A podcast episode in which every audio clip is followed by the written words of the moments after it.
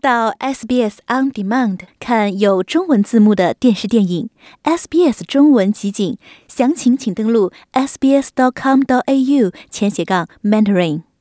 从法律角度看待社会现象，以专家意见指点生活迷津。请听现场说法。现场说法，您了解法律、咨询问题的空间。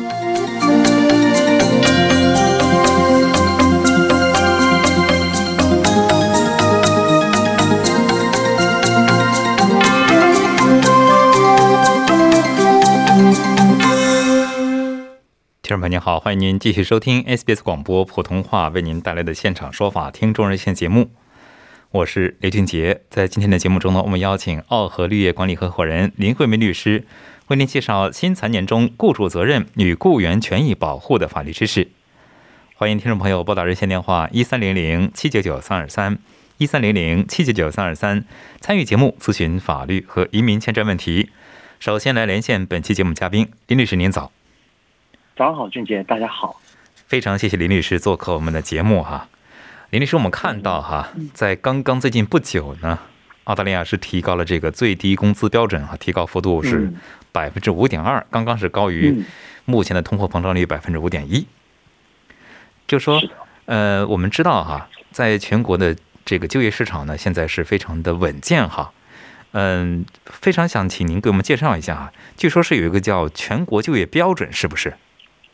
嗯，是的，呃，这个全国就业标准相当于是一个最低的一个标准，在雇主去找雇员的时候都要去符合的，包括工作时间啊、呃假期啊、最低工资啊等等，这样的最低呃的全国就业标准呢，在每年啊都会发生一定的变化。比如说这一次，我们就知道在七月份的时候就会有最低工资的这个上调了，对，从这个二十块三就上调到这个二十一块三八。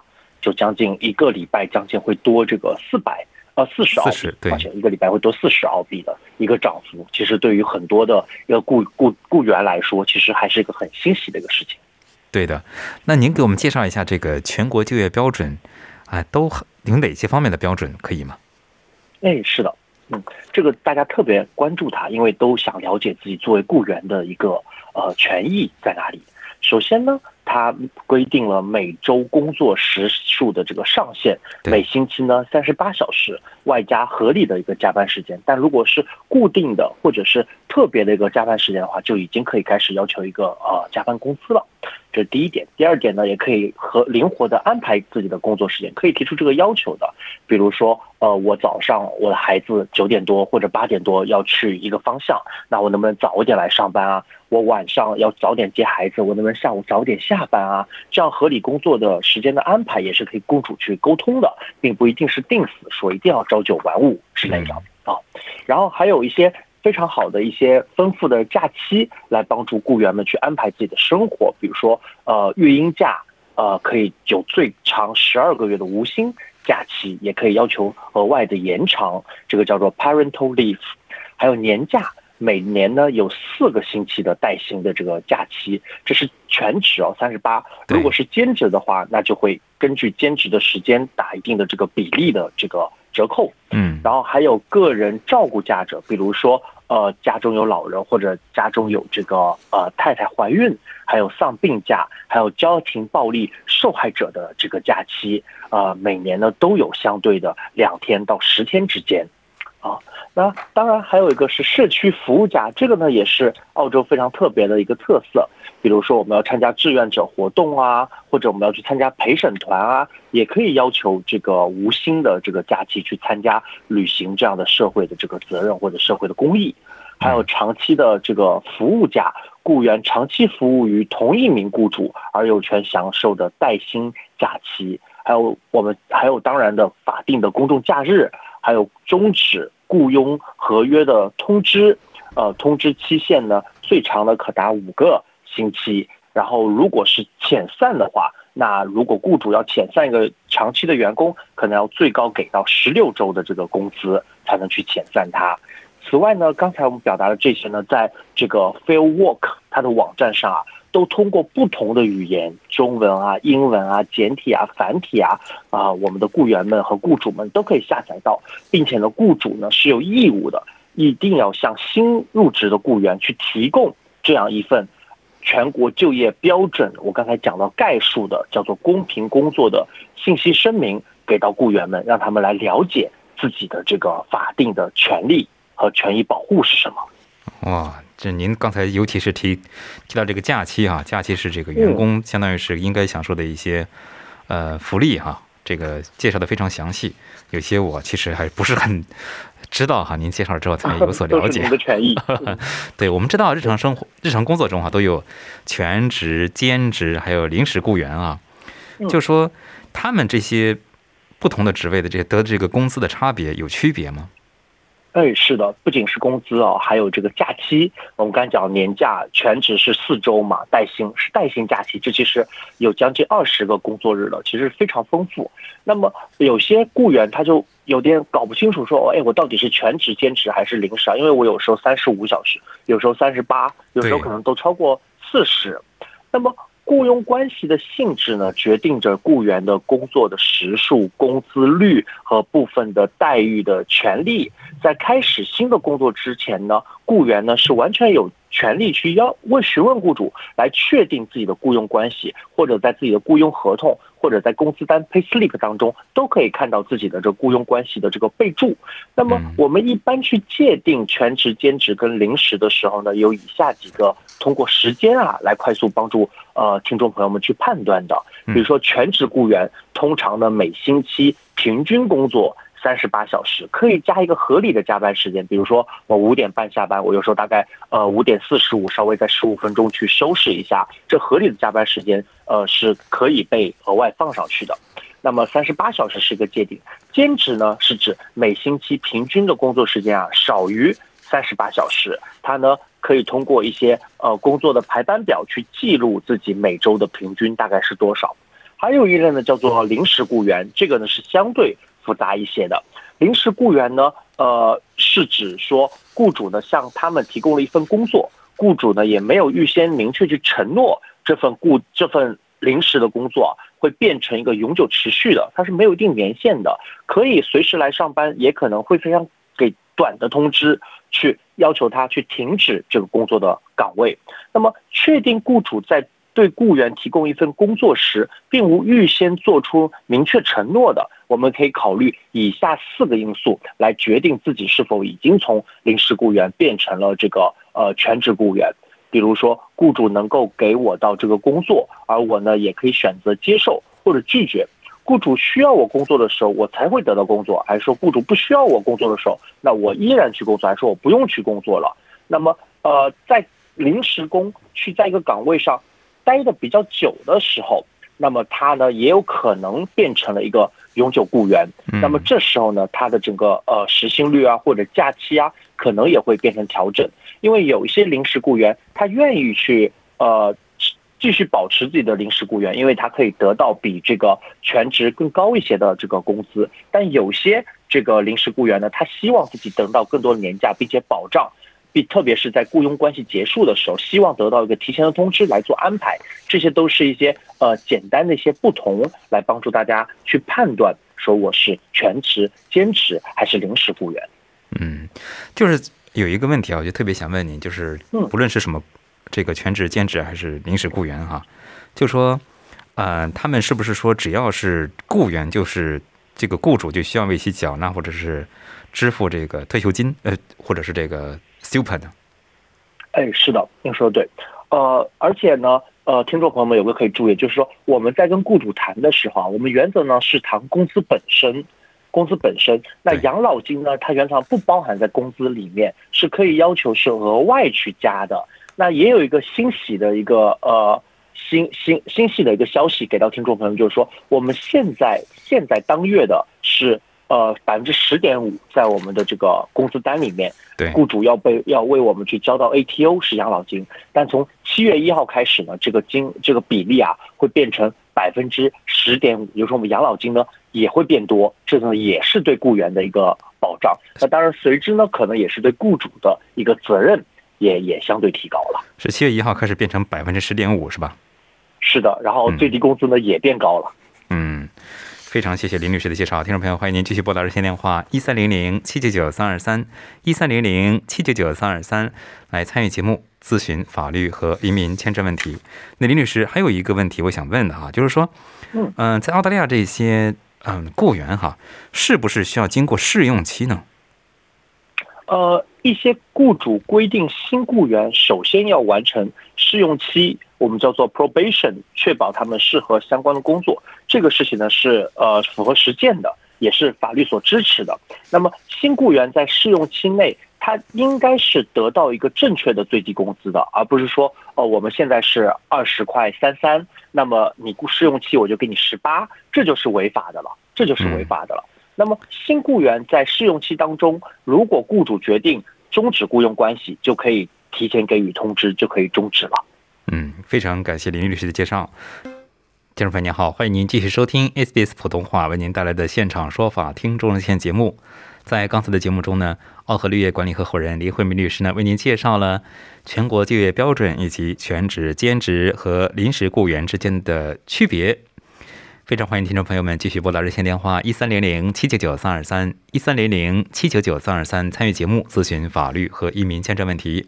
接下来我们继续接听听众电话，这位是 Jack，Jack 您好，哎，你好，你好，你请讲。早上好您好，啊，律师早上好。啊，我有一个问题，就是有关于邻邻居的篱笆跟树木的问题。嗯。啊，我家跟隔壁这个篱笆呢，现在就有一个位置，就由于他的隔壁那个那个有一棵大树挨着那个那个 fence，弄嗯令到那个 fence 有点侧向我那一边倒下来，不，现在还没倒，只是撤了。就啊、我们跟他商量以后，他把那棵树给砍掉了，现在的那个 fence 要重新做。问题是我们那边呢就有点落差，他那边是高的位置，我这边是矮的位置，有个挡土墙。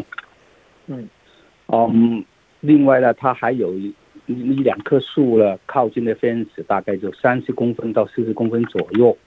我们请求他把那两棵树，因为我们找人找那些收篱笆的人来看过，他们建议把那棵这些这些树都砍掉，但是他不愿意砍。嗯还有上面那些树枝呢，就弯到我这边来。我请求他把他把那些树枝，如果这个树不砍的话，把那些树枝收一下。他说那些树枝过到了你一边，你愿意修你修，我就不修了。这是第一个问题。第二个问题就是说，我的篱笆的长度大概就呃二十米左右，另外一个位置呢也有那个落差的那个挡土墙，嗯，另外一个位置呢就有挡土墙上面有一点破损，破损的话，建那个呃重新做 fence 的时候，有可能这个地方修一这个挡土墙修一下比较好，要不然的话嗯就再重新做 fence 的时候担心不牢固。但是有一个问题，他说他看过一些法律文件，就是说挡土墙的问题呢，不是双方的问题，是第塞那个房东的问题。他说挡土墙又修的话，就他不付钱。嗯呃，这种情况底下，我想咨询一下律师的法律意见，这个问题怎么样处理？谢谢。哎，好的，没问题，谢谢您。呃，首先呢，邻里纠纷啊，包括特别是 fence，还有树木，包括还有噪音啊，有时候都是在澳洲挺常见的，因为大家都是呃以 house 呃别墅为多。那么在澳洲普通法跟这个呃行政法当中呢，其实有蛮多的法律呢去呃来相关的去解决这样的纠纷，包括去呃防范相关的这个骚扰侵权的这个行为。呃，想请问一下，您是在哪个州？新州您是在新州。那么在新州啊，有个叫 Newcat。NCAT，也就是 New South Wales 的这个行政与裁判庭 （Civil and Administrative Tribunal）。如果您 Google 可以找到它啊，在里面呢有一个专门的去管 housing and property 的一个呃管辖的部门，叫做这个关门转 fence 的。他们如果您对这个邻居之间是有这个纠纷的话，您可以向这个 NCAT 去递交相关的这个纠纷，他们收费是很便宜的。就主要是政府的部门去帮助大家去解决这样的纠纷，等于是一个调解庭一样的。您可以先尝试通过这个呃方式去解决这个问题。如果双方呃去呃协商啊解决不了这个问题的话，可以要求政府部门去介入。那么这时候呢还不需要律师一定要介入啊，因为 NCAT 呢是呃原则上是鼓励大家以低成本的那去解决这个方式。但如果您确实需要法律建议或者专家建议来测量之类的话，那您可以就去寻求这个专业建议。不然的话，可以先尝试在 NCAT 去解决这样邻居之间的纠纷。嗯，这是一个途径。这个希望能帮到您。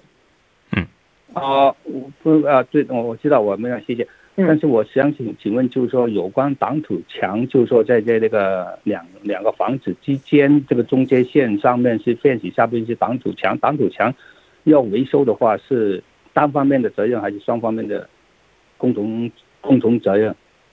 呃，如果是在临界点的话，其实双方都有义务要去承担这个费用的，在大多数州都是这样，在临界点的话，但是呢，这时候呢又会引发一些。不同的这个声音啊，有些邻居可能会认为这就是在你的土地上，有些邻居就会认为这我就应该跟你一起来付，因为是在我们共同土地上。所以为什么提到会有专家建议，就是有些测量啊或者评估啊可能会发生。但如果是想先控制成本的话，那可以先通过 NCAT 先去尝试去解决，不然可能要先去支付一些费用，有专家建议进来去做一些这个判断跟评估，这时候费用可能就会产生了。嗯。你的意思就是说这个很难确定是吧？但是我就说这个挡土墙刚好是在 fence 的上面，就是上面挡土墙上面是 fence，应该是在是在两个两家中间点吧？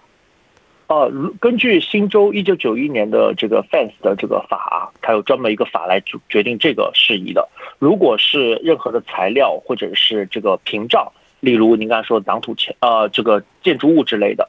那么，如果它是用作于围栏基础或支撑的话，那么双方呢可以去约定是由双方来一起去承担，但这个确实可能会有专家建议报告，呃，来评估为佳。嗯，建议您先先去 New Cat N Cat 去，嗯，请仲裁一下。好嘞，好的，好，谢谢张，祝您顺利。接下来我们接听下面一位听众，这位是 Lucy，Lucy 您好。嗨，你好。哎，您请讲。呃，我想咨询一下这个工作的问题。嗯嗯，那个呃，就是说，假如我是一个呃拿年薪的职工，全职职工，那么在公司如果属于轮班，比如说就是说我星期六、星期天要上班，那么平时就会有两天 take off。那么如果是这样的情况话，在星期六、星期天的话。上班能拿到呃跟平时不一样的工资吗？哦，是的，谢谢您如此这个问题啊，原则上是可以的，原则上可以的，但具体呢要看一下您这个呃您这个工作啊属于哪个行业。除了我们今天这个节目当中所讲到的全国就业标准之外呢，每个行业啊还会有自己的 award，比如说学校。有自己的 award，sales 有自己的 award，那房地产 sales 周末上班工作会比较多嘛，在拍卖有他的 award，然后他会调休。那根据您的 award 呢，会来决定说，呃，是适用于多少的工资的不同的比例，而适用到这个假期当中去上班，调休当中去呃放到工作日去休息。这 award 当中会有详细的这个明确，您可以进一步的这个查看。但原则上呢，在工作在休息日去工作的话，会比平时可以要求多一些这个。待遇，嗯，问题是说，呃，我平时是休息的，但是就是说，只是说星期六或者星期天有一天会安排长期的这样去上班。那如果这个是您您要求的，还是雇主安排的呢？不是雇主安排的。雇主安排，呃，我认为原则上您是可以要求更多的待遇的。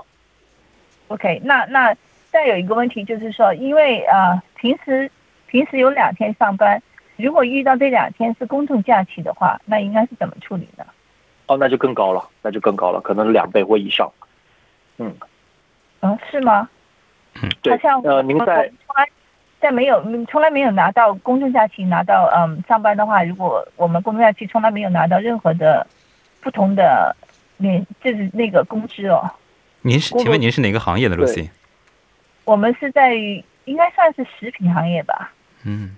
哦哦，food retail 之类的。嗯呃，食品怎么说呢？呃，公司公司最具体属于什么行业，我也说不太清楚，但是应该是属于食品食品的行业吧。呃，食品行业其实蛮分的蛮细的哦。不过这个如果是 warehouse 的话，算什么呢？哦，了解了。如果是在 warehouse 里的话，我认为原则上是适用的。您在公众假期去工作的话，绝对是有这个权利去跟雇主去沟通，呃，为什么去询问啊？为什么没有额外的这个工资？那么具体您适用于哪个 award？呃，您可以打电话给 Field Work，可以要求通过服务的，他根据您的工作的岗位啊，会告诉您您适合哪个 award。通过确定哪个 award 之后呢，您就可以知道自己最高在这个假期当中去上班啊，可以拿到多少比例的不同了，这个就可以确定了。但原则上呢，您是可以去要求比平时多的，因为您在周末和公众假期去上班了。嗯没没有，我的问题就是说，你说的就是可以拿到更高的。我现在的意思就是说，比如说我是年薪嘛，一年就是这个假期价钱，然后呃，因为碰到了这个 public holiday 是我的休息日，不是我上班日，是我的休息日。那就是说我本来这一天是休息，但是又是 public holiday，那这个问题怎么处理呢？比如说，嗯，星期一我本来是休息的，那但是又是 public holiday，那我就等哦，于说我因为您调休的原因对吗？对，不因为您是调调休的原因。对，没错，我就轮我们轮班，我就固定在在星每个星期一我都是休息。那因为我理解了，我理解你的意思对了。public holiday 我也休息，也是 public holiday。那这个情况下怎么怎么怎么样，？如果您如果您重叠了的话，按照 award 的话，您也是可以尝试去要求这个雇主去支付因为这个调整而本身应该获得的这部分这个差额的待遇的。嗯那你的意思是说，就是说要在年薪的基础上还要再再再再得到其他额外的？其实其实不是特意去调年薪，而是可能是调单个 payroll。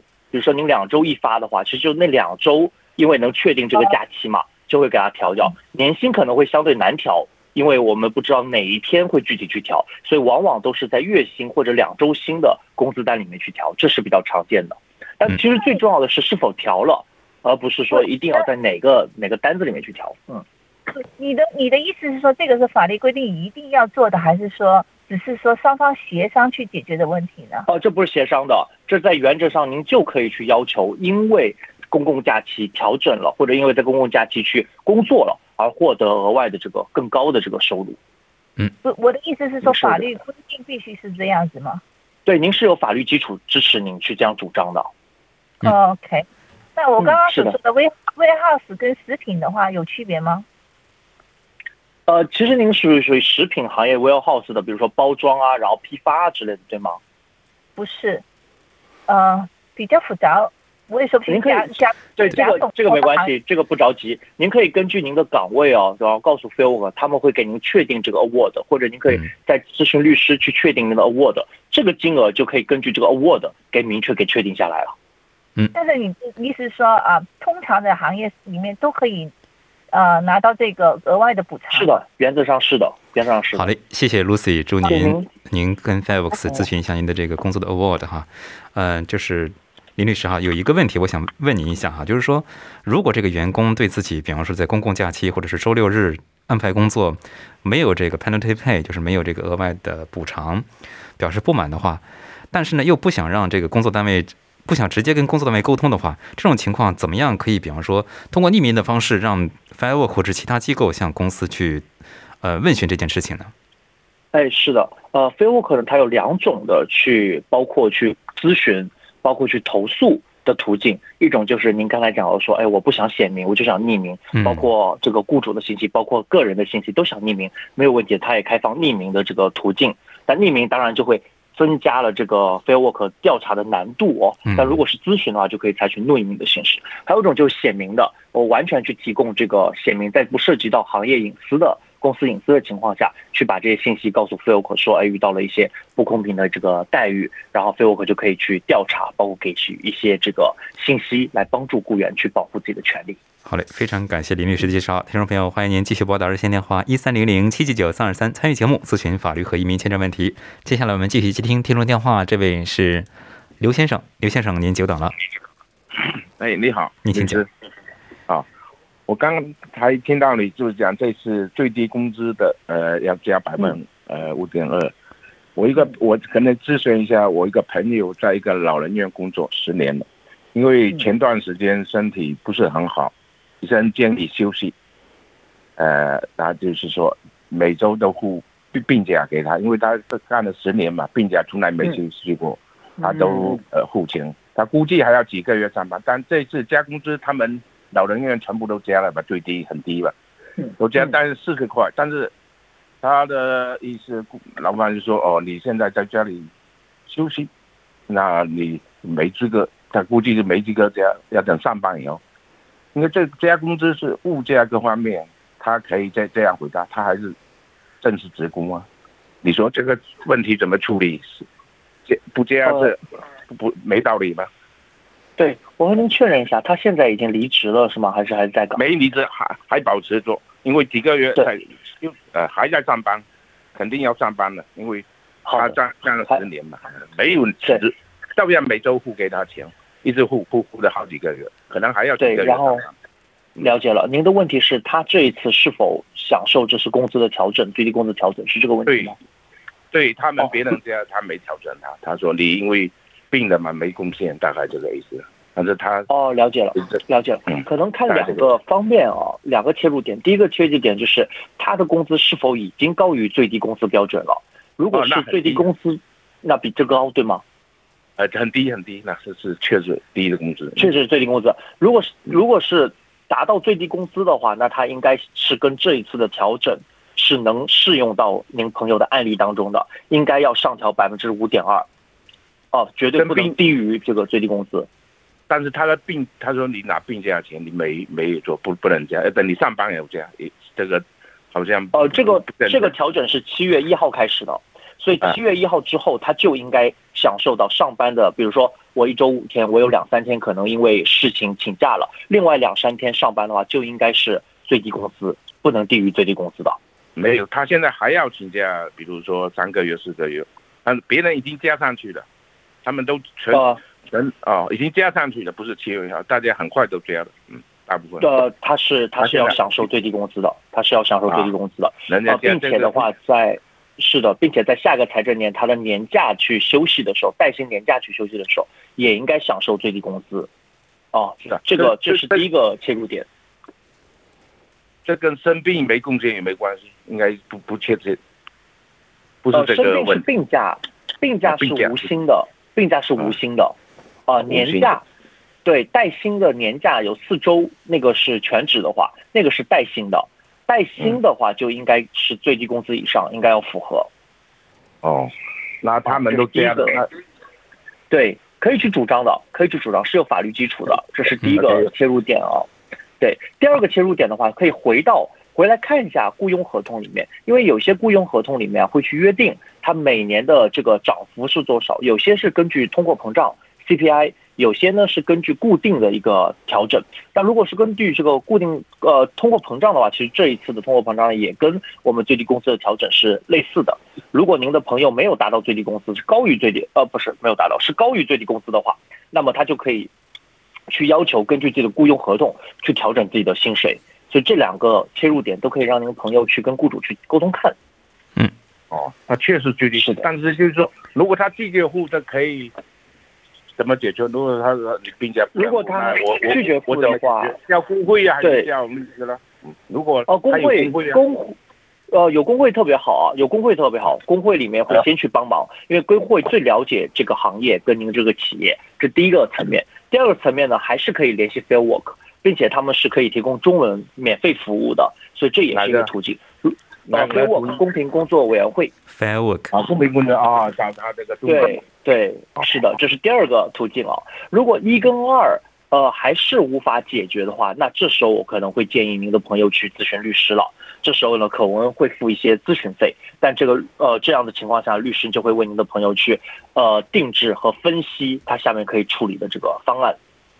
嗯，对，工会介，如果我们不行，工会介入也可以，他要也也会帮助吧。嗯，是是的，工会的一个职责就是保护所有工友们的这个权益。对对对，我们也不会吵，有道理，该加就加，不加不达到法律，我就呃就没有什么争吵。好嘞，是的，谢谢刘先生，祝您顺利。向林律师最后一个小简短的问题啊，就是说工会是不是说只有会员才能炒工会呢？呃，工会的话，原则上都是呃，在一定的企业当中达到一定规模，就可以要求去组建这个工会。嗯，那么，如果我是在这个企业当中担任一定的职务的话，我可以就加入这个工会，去呃参加一定的活动，并且请求工会去保障自己的权益。如果遇到了一些不公平的待遇，好的，非常感谢林慧明律师给我们的介绍。那么，听众朋友，本节目仅供一般性参考，并无意提供任何个案法律建议。如果您有更为详细的内容，欢迎您咨询专业律师。喜欢、分享、评论，欢迎您在 Facebook 上关注 SBS 普通话页面。